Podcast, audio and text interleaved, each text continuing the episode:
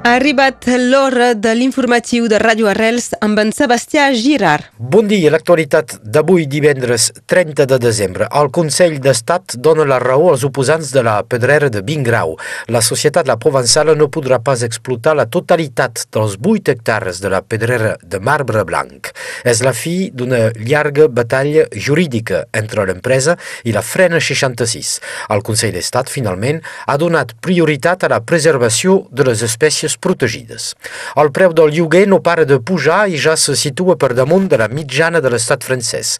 Les dades fetes públiques pel Ministeri d'Allotjament confirmen la tendència enguany. Ens deixa tot plegat una situació paradoxal. Catalunya Nord, a més de ser un dels territoris més pobres de l'estat, també és de les més cares pel preu del lloguer. Un preu molt alt, sobretot a la Plana, l'Aspre, l'Albera i a la costa. Perpinyà i Canet són les dues ciutats on el lloguer és més car vora 10 euros al metre quadrat, és 20% per damunt de la mitjana estatal. Per bé que s'hagi parlat molt de petroli i de gas, l'aigua ha estat una de les preocupacions majors d'aquest 2022 i ho continuarà sent, sense cap dubte. Segons Meteo França, Catalunya Nord no coneixia tan poca pluja des del 1901. La curva de pluviometria tira cap avall i en veia els nivells de rius, de baratges i també la capa freàtica. L'intent de crear un sindicat mixt que aplegui tots els actors de l'aigua de Catalunya Nord avança molt a poc a poc i la manca d'aigua ja obliga el món agrícola a reaccionar per sobreviure. L'ús de l'aigua s'ha de replantejar. Aquest 2022 els serveis de l'Estat han efectuat el cens de les piscines privades. A Catalunya Nord n'hi ha més de 32.000 declarades. A Catalunya Sud, un regal extraordinari per la ciutat de Banyoles que va rebre una donació de 130 obres d'art. Venen del fons d'una col·lecció privada amb peces de Picasso, Dalí, Miró, Tàpies i Rembrandt. Aquesta donació constitueix un abans i un després, segons el Batlle de Banyoles, que ha anunciat la creació d'un centre artístic de primer nivell que vol ser un referent en el món de l'art. El rugby no fa vacances, 14a jornada del top 14 aquest cap de setmana.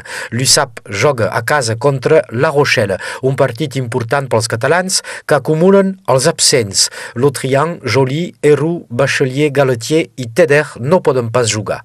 El partit serà demà dissabte a les 5. El podeu seguir en directe a Radio Arrels gràcies al patrocini de la Plataforma per la Llengua. Demà és la rebella i el 10 sobre 10 programa un enfilall de DJs. Pilowski, Manu Pérez, Raf Dumas, Rufsig, Lionel Liminana i més altres sorpreses. De què ballar un bon moment, la Casa Musical obre les seues portes a les 7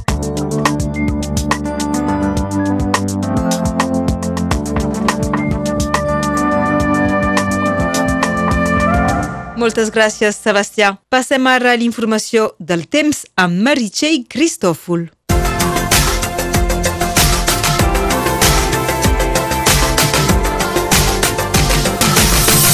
Bon dia. Pocs canvis, que sigui del costat del vent com del costat de les temperatures. Seguim amb uns quants núvols i una forta humitat, però cap pluja.